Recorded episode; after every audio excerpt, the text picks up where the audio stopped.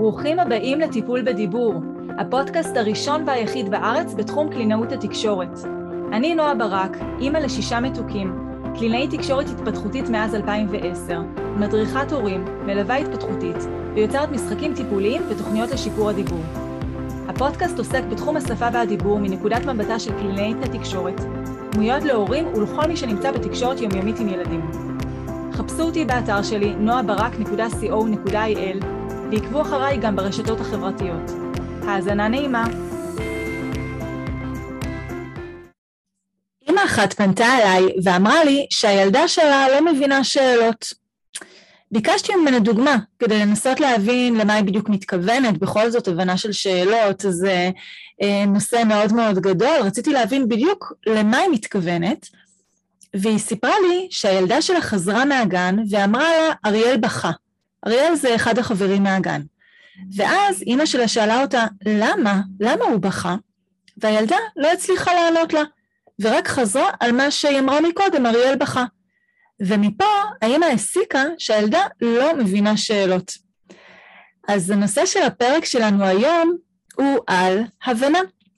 הבנה, מה זה אומר להבין, מה אנחנו מצפים מבחינת הבנה בגילאים השונים של הילדים שלנו, ומה אנחנו יכולים לעשות כדי לשפר את ההבנה של הילדים שלנו.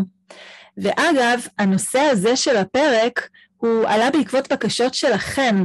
אני כל כך אוהבת לקבל משובים מכם על הפודקאסט ועל הפרקים שאני מפרסמת, וקיבלתי מכמה כיוונים בקשה שאני אקליט פרק על הבנה. אז אני מאוד שמחה לפרסם את הפרק הזה, וכמובן, אם יש לכם רצונות, בקשות, שאיפות לפרקים נוספים, בנושאים נוספים שאני אקליט, אני יותר מאשמח לשמוע.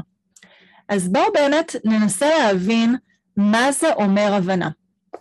אז בעצם, אנחנו כהורים, השאיפה, או אחת השאיפות הבסיסיות שלנו והכל כך ראשוניות, זה שהילד שלנו ידבר, שנשמע אותו מדבר, בכל ההדרכות שאני מעבירה באמת, אני, אני אשתדל לא להגיד בכל, אין מוחלט, אבל כמעט בכל ההדרכות שאני מעבירה, שבהן אני מספרת על שיטת הטיפול החדשנית שפיתחתי, באמת, אני לא חושבת שיש מקרה לפחות בחודשים האחרונים, שלא שמעתי שאחת מהשאיפות של ההורים שנמצאים איתי בהדרכה, זה שהילד ידע להגיד אימא, שיקרא לי אימא, ואני כל כך מתחברת לרצון הזה, פשוט שידבר את ה, אפילו הדבר הבסיסי הזה, רק שיגיד אימא, שיגיד משהו כל כך כל כך, וחשוב באמת להבין שדיבור זה רק חלק אחד מתוך תהליך שלם של רכישת שפה. זה אולי נשמע, מה, דיבור, שפה, שווה אותו דבר, אבל למעשה זה לא. דיבור זה ההוצאה לפועל של אמ, איזה שהם אה, מושגים או רעיונות שהתבססו אצלנו בתהליכים מוקדמים יותר, ששמענו, שהבנו, שנחשפנו, ש, שראינו מכל מיני כיוונים, ובסופו של דבר זה עבר איזשהו עיבוד עם עין במוח שלנו, ובא לידי ביטוי ב, אמ, ב, בהוצאה לפועל של דיבור. אבל לפני שילד ממש מדבר, יש שלבים מקדימים שהוא צריך לעבור אותם. אחד השלבים שם זה ההבנה, אבל עוד לפני ההבנה בעצם יש לנו חשיפה. אז השלבים, אני אעשה רגע סדר, יש לנו חשיפה, הבנה והבעה. אני רוצה רגע להסביר על כל אחד מהמושגים, כי זה מאוד חשוב לנו להבין מה המקום של הבנה של שפה בתוך התהליך הזה. אז חשיפה זה אומר שילד שומע דיבור. חשיפה לשפה היא מתחילה עוד ברחם, עוד לפני הלידה. כבר בשבוע 27 להיריון, מערכת השמיעה משלימה את הבשלות שלה, את ההתפתחות שלה, ותינוק למעשה ברחם כבר שומע. נכון, הוא בתוך המים, הוא בתוך הרחם, הוא עדיין לא שומע כמו שהוא ישמע אחרי שהוא ייוולד, אבל הוא כבר מתחיל לשמוע קולות. והקול של אימא שלו זה הקול שהוא שומע אותו מן הסתם הכי הרבה כי הוא נמצא בתוך הגוף שלה, אבל הוא גם שומע קולות נוספים מבחוץ. וככה הוא מתחיל להיחשף לשפה. לאחר מכן תינוק נולד, וממשיכים לדבר איתו, והוא נחשף ונחשף ונחשף ונחשף. הוא שומע מילים בהקשרים שונים, הוא שומע את אותה מילה שאנשים שונים אומרים אותה. הוא שומע את אותה מילה מאותו אדם שאומר אותה, אבל בסיטואציות שונות, עם אינטונציה שונה. וככה הוא שומע ונחשף, נחשף ושומע, שומע ונחשף, ועם כל חשיפה כזאת, ההבנה שלו הולכת ומתבססת. הבנה זה השלב השני בעצם. ההבנה מגיעה אחרי חשיפה. ילד לא יכול להבין מושג מבלי שהוא שומע אותו. אני לא יכולה להבין מה זה גלידה, אם בחיים לא שמעתי את המילה גלידה. כדי להבין מה אומר הצליל, רצף הצלילים גלידה, אני חייבת קודם כל לשמוע את המילה הזאת. ואחרי ששמעתי אותה באופן, נחשפתי אליה באופן מספיק מגוון, אני מתחילה להבין מה זה אומר. אה, אוקיי, אז גלידה זה גם מה שיש לנו במקפיא, וזה גם מה שאכלתי אתמול בגלידריה, וגם אצל סבתא יש, וגם ראיתי ילד ברחוב הולך עם גלידה שנראתה קצת שונה, אבל כל הדברים האלה הם גלידה. הוא מתחיל להבין את המשמעות של רצף הצלילים גלידה. ואחרי שהוא מבין את, רצף, את המשמעות של רצף הצלילים הזה, הוא יכול בעצמו כבר להגיד גלידה, שזה השלב השלישי שהוא שלב ההבעה.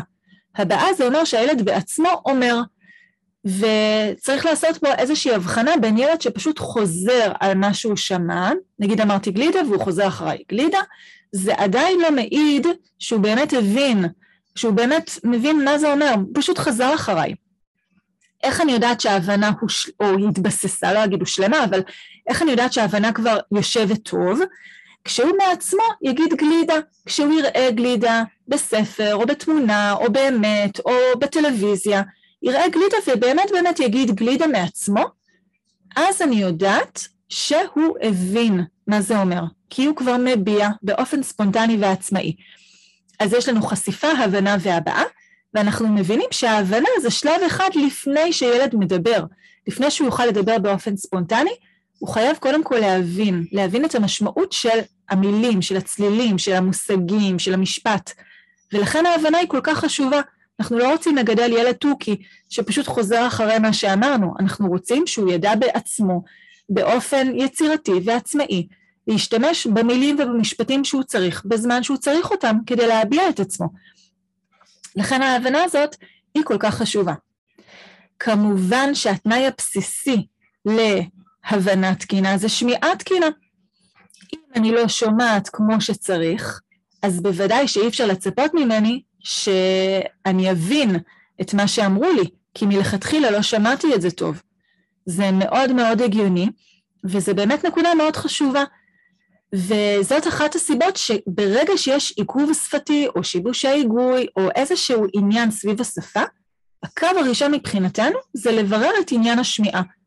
אפשר לגשת לאף גרון, שיעשה בדיקה חיצונית ראשונית, אה, כמובן במידת הצורך גם לגשת לבדיקת שמיעה מסודרת במכון שמיעה, שקלינאי תקשורת עושים את בדיקת השמיעה, אבל באמת להבין שאין פה איזשהו משהו שפוגע בשמיעה.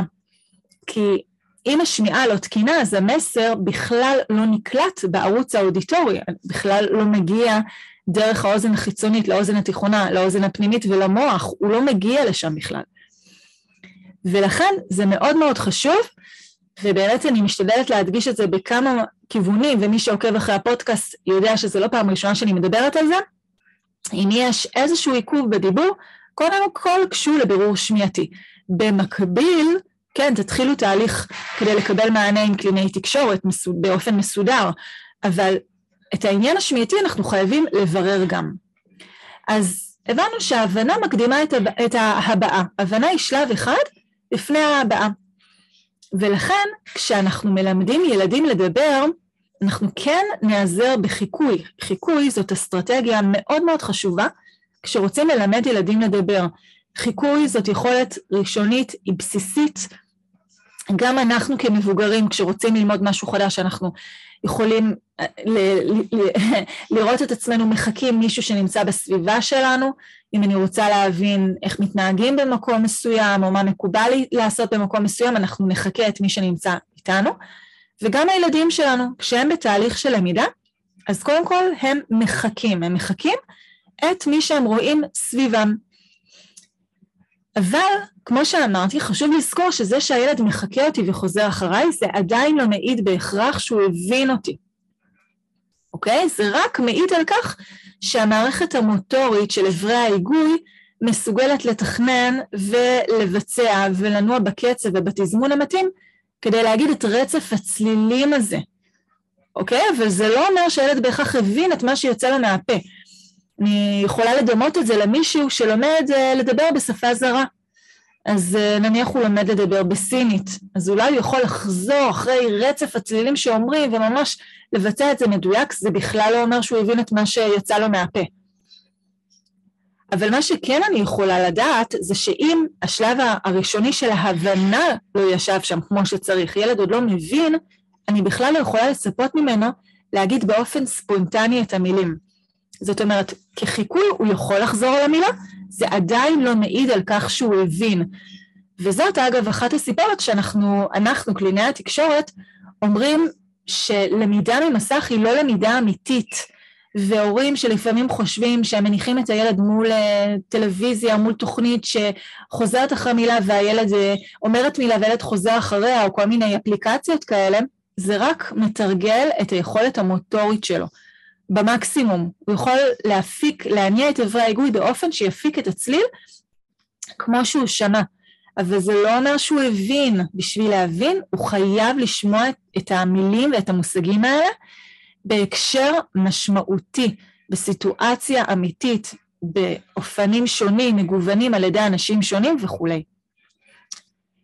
אז, אה, ועוד איזושהי דוגמה שעולה לי, באמת לפעמים, הורים משתפים אותי, לא רק שהילד אה, שומע, לומד לדבר ממסך, הוא אפילו לומד לדבר שפה זרה ממסך. הם אומרים לי, הוא מדבר אנגלית כי הוא חשוף לסרטונים באנגלית מהיוטיוב, ואז הוא יודע לדבר באנגלית. אז אני אומרת, אני תמיד שואלת, אוקיי, הוא מסוגל לצטט איזושהי מילה או משפט שהוא שמע. הוא באמת מבין את המשמעות? הוא יכול באופן ספונטני להשתמש במילים האלה ולהרכיב איתן משפט אחר, משפט שונה ממה שהוא שמע? בזמן שהוא כמובן מתאים, באמת בהקשר המתאים, או שזה רק חיקוי. תזכרו שחיקוי לא מעיד בהכרח על הבנה. רק כשהילד יוכל להגיע, להגיד מעצמו דברים באופן ספונטני, אז אני יכולה להבין שהוא באמת באמת מבין את מה שהוא אומר.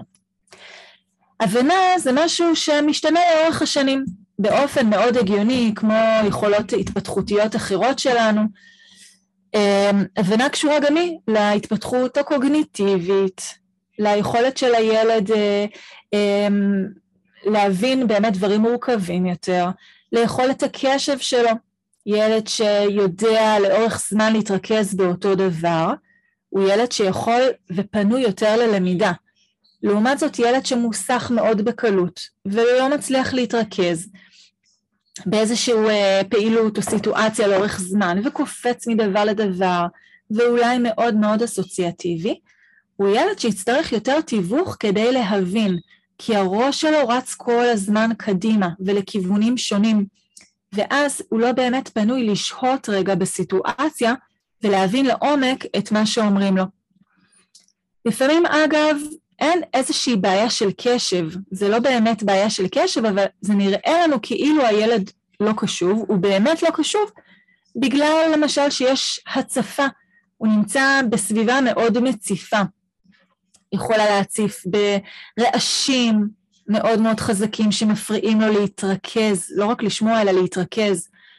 הסביבה יכולה להיות מציפה בגלל הרבה גירויים ויזואליים, כל מיני צעצועים שמפוזרים על השטיח, או איזשהו בלגן בעיניים שמקשה עליו להתרכז, כי יש פה הרבה דברים שמבלבלים אותו.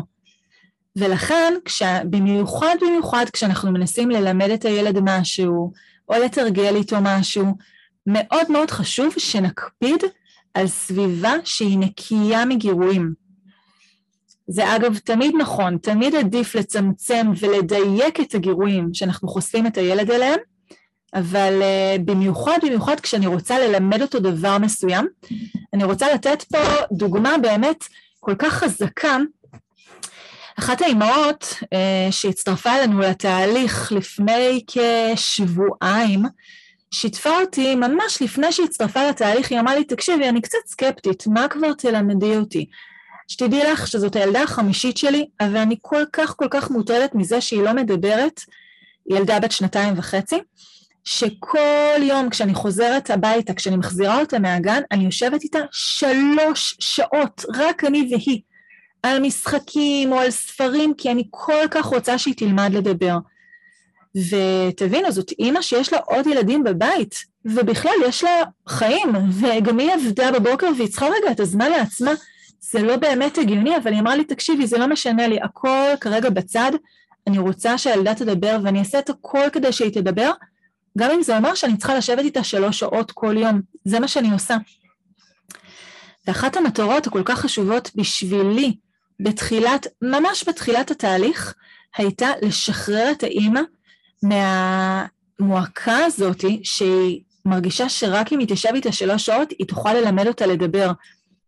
ובמקום שזה יהיה שלוש שעות שהיא יושבת עם הילדה, מה שאנחנו עשינו שם זה הבנו איך אנחנו מדייקים את מה שהיא אומרת לה, את האופן שבו היא אומרת את זה, את הסיטואציה שבה היא אומרת את הדבר הזה. וברגע שדייקנו, היא לא הייתה צריכה שלוש שעות, היא לא הייתה צריכה שעתיים, היא אפילו לא הייתה צריכה שעה או חצי שעה.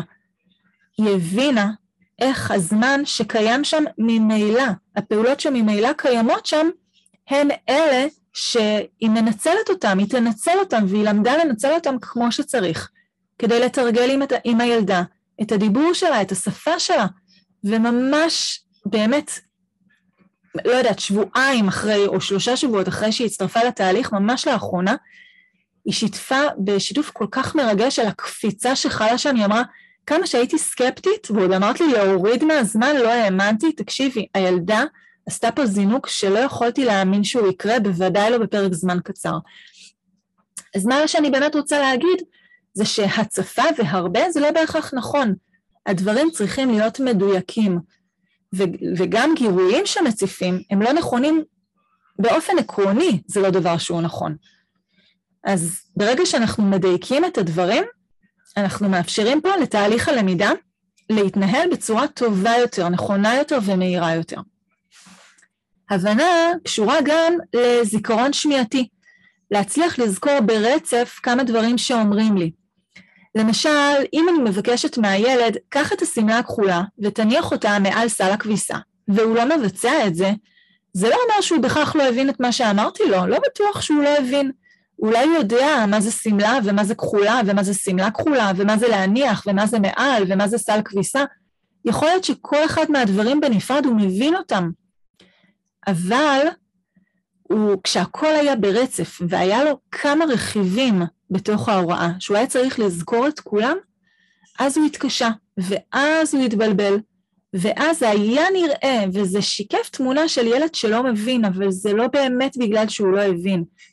לכן כל כך חשוב לבחון לעומק האם באמת הקושי יושב על הבנה או על משהו אחר.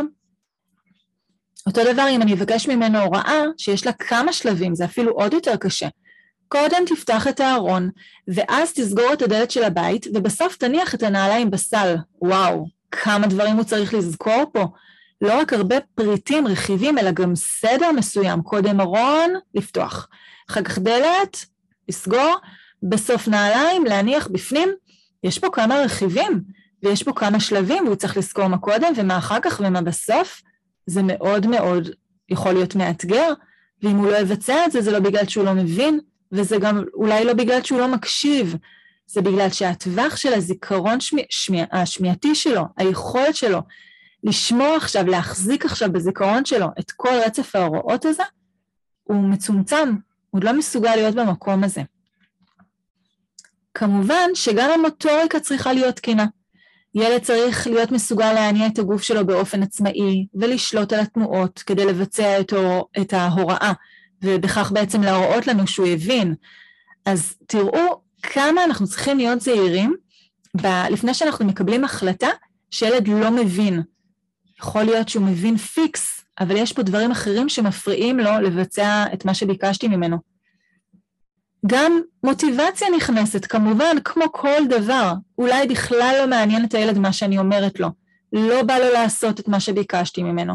אני אומרת לו, תיכנס למקלחת, והוא לא נכנס, לא כי הוא לא הבין שהוא צריך להיכנס עכשיו למקלחת, אלא כי לא בא לו. הוא עסוק במשהו אחר, הוא לא פנוי בכלל, לא מתחשק לו, לא בא לו בטוב, אז הוא לא נכנס להתקלח. גם מידת הערנות חשובה, אוקיי? כשילד עייף, ממש כמו אדם מבוגר, כמונו, קשה לו להתרכז, גם אנחנו כשאנחנו עייפים, המוח שלנו עובד יותר לאט. ואז אם אני אגיד משהו, או אבקש משהו, או אעשה איזשהו משהו שמצריך מהילד להבין אותי, והוא ייראה לי כאילו שהוא לא מבין אותי, לא בטוח שהוא באמת לא הבין. יכול להיות שעכשיו הוא לא חד, הוא לא בשיא החדות שלו, בגלל שהוא עייף ומותש, אבל אם הוא היה ערני, או בפעם אחרת כשהוא יהיה ערני ואני אנסה שוב את אותו דבר, הוא יכול לבצע את זה ממש ממש היטב. אז גם מתי אני בודקת את ההבנה, זה גם נקודה שהיא חשובה. אם אני עכשיו מתרגלת עם הילד משהו, תרגלתי משהו אחד ואחר כך אני עוברת לתרגל איתו הבנה ונראה שהוא לא מבין, לא בטוח שהוא לא הבין, יכול להיות שהוא כבר מותש מהדבר הקודם שתרגלתי איתו לפני כן. עוד דבר שמשפיע על ההבנה זאת חשיפה, כמו שכבר הבנו. אמרנו שחשיפה היא קודמת להבנה. אמ, אני אתן לכם עוד דוגמה. התקשרה אליי אימא, שסיפרה לי שהיא רוצה להתחיל אה, להצטרף אלינו לתהליך, שאני אטפל בה בשיטת הטיפול החדשנית שפיתחתי, כי יש ליד שלה בעיות בדיבור. אני תמיד מבררת, מתחקרת לעומק מה זה אומר, הורים גם ממלאים שאלון ושולחים סרטונים, אבל התחלתי מאיזשהו תחקור ראשוני כדי להבין ממנה קצת יותר איפה הקושי, לפי מה שהיא רואה ומזהה. אז היא אמרה לי, למשל, אה, שיחקו בגן במשחק של חיה וביתה, והגננת ביקשה, אה, אה, ביקשה מהילד להניח את הסוס בעורבה, או לחבר בין הסוס לעורבה, והוא לא הצליח. הוא לא, הוא לא עשה את זה. ואז מיד שאלתי אותה, תגידי, עורבה, זאת מילה שהילד מכיר? הוא שמע את המילה הזאת? מתי הוא שמע? כמה פעמים הוא שמע? הוא ראה בחיים שלו עורבה? הוא יודע איך עורבה נראית? הוא חווה עורבה? זה משהו שמעניין אותו? הוא מתעניין בסוסים ובמה שקשור אליהם? אולי זה חלק מהשיח שלכם בבית, אתם מדברים על סוסים, על אורוות? היא אמרה לי, לא, לא, לא, דווקא לא, הוא לא מתעניין במיוחד בחיות, הוא יותר מעדיף דווקא כלי תחבורה. אמרתי לה, תראי, אם זאת פעם ראשונה, או אפילו שנייה, שהוא שומע את המילה עורבה, איך אפשר לצפות ממנו לדעת איפה העורבה ואיך היא נראית? כדי שהוא יוכל באמת להבין מה זה אומר עורבה, מה המשמעות של זה, ולזהות עורבה, הוא חייב להיחשף למילה הזאת, ולהיחשף לא סתם עורבה מנותק, זה לא לשנן, סוס גר בעורבה, הוא צריך לחוות את העורבה, לראות, להרגיש, להריח את הריח שיש בה, בסביבה הזאת, אה, אולי לשחק עם אה, צעצוע ש, של עורבה, אולי לראות גם בספר ובכל מיני דרכים. אבל רק כשהוא נחשף בצורה מספיק מגוונת, הוא יכול באמת לפתח את ההבנה שלו על אותו מושג. זה, זה שהילד מבין שעורבה, אפילו אם הוא יבין שעורבה זה הציור הזה, שהוא רואה בקלף הספציפי הזה, זה עדיין לא מעיד על כך שאנחנו נלך מתישהו לטייל והוא יראה עורבה והוא יצביע ויגיד עורבה. כי הוא מבחינתו הדביק את המילה עורבה לתמונה הזאת. זה מה שזה אומר, זה לא אומר שהוא הבין את המושג השלם. וההבנה של המושג השלם היא מצריכה כמובן גם גמישות והכללה. לפעמים, כחלק מביסוס ההבנה, יש שלב ביניים שנקרא הכללת יתר. הכללת יתר, אולי חלק מהמאזינים והמאזינות יזדהו איתי עכשיו עם מה שאני אספר, זה למשל ילד שקורא אבא לכל הגברים. אז הוא מתחיל להבין מה המשמעות של המילה אבא? הוא התחיל להבין חלק מהאלמנטים של אבא. הוא מבין שאבא זה גבר, אבא זה איש שהוא, יש לו מבנה גוף כזה אולי גבוה, אמ, אולי יש לו גם שיער על הפנים, אמ, כל מיני מאפיינים מסוימים שהם נכונים כלפי אבא שלו, אבל הם גם נכונים כלפי עוד גברים. ועדיין הוא לא רכש את כל המאפיינים שרלוונטיים רק לאבא הספציפי שלו. אז הוא מסוגל להגיד אבא מבחינה מוטורית, אבל עדיין הוא לא הבין שאבא זה רק האבא הייחודי הזה שלו, ורק הוא נקרא בעיניו אבא. עוד נקודה חשובה שמשפיעה על ההבנה, ואנחנו רואים שככל שאנחנו מתקדמים פה בפרק, כמה הבנה זה דבר שהוא לא ברור מאליו והוא לא פשוט בהכרח, וכמה צריך באמת להבין לעומק האם הבעיה היא בהבנה או במשהו אחר. אז עוד נקודה חשובה זה עוררות רגשית. יש דברים ויש אירועים שמעוררים אצלנו רגש מאוד מאוד חזק. למשל, שמחה או התרגשות גדולה כשיש מסיבת יום הולדת, או עצב מאוד גדול, הפתעה אולי, אכזבה כשאני מקבלת איזושהי מכה, או בהלה מכלב שקופץ עליי פתאום במפתיע, או איזשהו פחד מרעש חזק. הרגש הזה תופס מקום ונוכחות אצל הילד, ולמעשה אצל כולנו. ברגע שיש ערעור רגשי מאוד מאוד חזק, אנחנו פחות פנויים לדברים אחרים. אנחנו רגע משקיעים אנרגיה בלעכל את הגירוי הרגשי הזה. לכן, אם הילד עכשיו חווה איזושהי סיטואציה שמאוד מאוד מרגשת אותו, או אולי אפילו משחזר ומדבר על סיטואציה שקרתה בעבר, אבל עוררה בו רגש מאוד מאוד חזק, יכול להיות שהוא לא יהיה פנוי לבצע דברים שאנחנו מבקשים ממנו, או לענות על שאלות שלנו. ממש ממש מחזיר אותי לדוגמה של תחילת הפרק, על הילדה שהייתה מאוד מוצפת כנראה רגשית מהחוויה הזאת שאריאל, החבר שלה, בכה בגן. ואולי רק עצם העובדה שהיא הייתה כל כך מוצפת, זה הקשה עליה לענות לאימא על השאלה למה הוא בכה. כי היא הייתה שם בעוררות רגשית כל כך כל כך חזקה, שיכול להיות שאפילו ידעה למה הוא בכה. היא ממש ידעה וממש זכרה ואולי אפילו יש לה אוצר מילים ויכולת תחבירית ממש להגיד משפט שמסביר לאימא בצורה ברורה ומסודרת למה הוא בכה. ויכול להיות שהיא אפילו מדברת מדויק ואימא ממש תבין אותה. אבל עכשיו כרגע, מה שמעסיק אותה זה החלק הרגשי של הסיטואציה. ולכן כרגע היא לא פנויה לענות על השאלה למה הוא בכה. היא מאוד מאוד עסוקה ומרוכזת ב- בלהכיל את הסיטואציה הזאת שעוררה בצלה רגשי, עוררות רגשית מאוד חזקה. אז לפני שנצלול פנימה לתכלס איך אפשר לשפר את ההבנה, אני מסכמת לרגע את מה שדיברתי עליו עד עכשיו. אמרנו שמה שמשפיע על המובנות של הדיבור זה המון המון דברים, וביניהם הגיל של הילד, השמיעה שלו, המוטוריקה שלו, הקשב, פניות, מוטיבציה, מידת עניין, בשלות קוגניטיבית, המורכבות של המסר, האורך של המסר, שזה מתקשר לזיכרון השמיעתי, החשיפה, הרגש, ועוד ככה דברים שבאמת ציינתי, ואולי דברים שגם לא ציינתי, אבל באמת, הבנה זה עולם מלא בפני עצמו. חשוב לה, להגיד שאצל ילדים שיש להם עיכוב תקשורתי או לקות קוגניטיבית או איזושהי לקות התפתחותית אחרת, יכול להיות שהם לא יבינו שהמסר המילולי הזה יש לו משמעות סמנטית. למשל, הם לא יבינו שכשאני אומרת את רצף הצלילים ספגטי, אני מתכוונת למאכל הזה שנראה כמו צינור ארוך והוא רך וגמיש, ומבשלים ואוכלים אותו עם רוטב או בלי כלום, הם בכלל לא יודעים לקשר שהגירוי האודיטורי הזה שהם שמעו אותו עכשיו, יש לו משמעות סמנטית בעולם האמיתי. הם לא מבינים את הקשר בין רצף הצלילים לבין האלמנט עצמו. אבל בהתפתחות טבעית ותקינה, ילדים כן לומדים ממש מהחשיפות הראשוניות לשפה, כמו שאמרתי, עוד ברחם וגם אחר כך כשהם נולדים, ממש באמת בגיל מאוד מאוד צעיר, ככל שהם נחשפים, הם לומדים להבין שהרצף צלילים הזה מתקשר למשמעות מסוימת. הם לומדים להבין את הקשר שבין מה שהם שומעים לבין ה, אמ, בעצם המשמעות של הדבר הזה. אז איך אפשר לשפר את יכולת ההבנה? קודם כל, כמו שהבנו, בשביל הבנה טובה חייבת חשיפה טובה. אז אנחנו מתחילים בלחשוף את הילד. חושפים, מדברים איתו מגוון, משתמשים במילות שאלה, במושגי יחס במרחב, בהוראות שונות. הילד חייב לשמוע את הדברים כדי שהוא יוכל באמת להבין אותם, ואז לבצע אותם. כמו שהבנו, לפני שהוא, נחס... לפני שהוא מבין, הוא חייב להיחשף.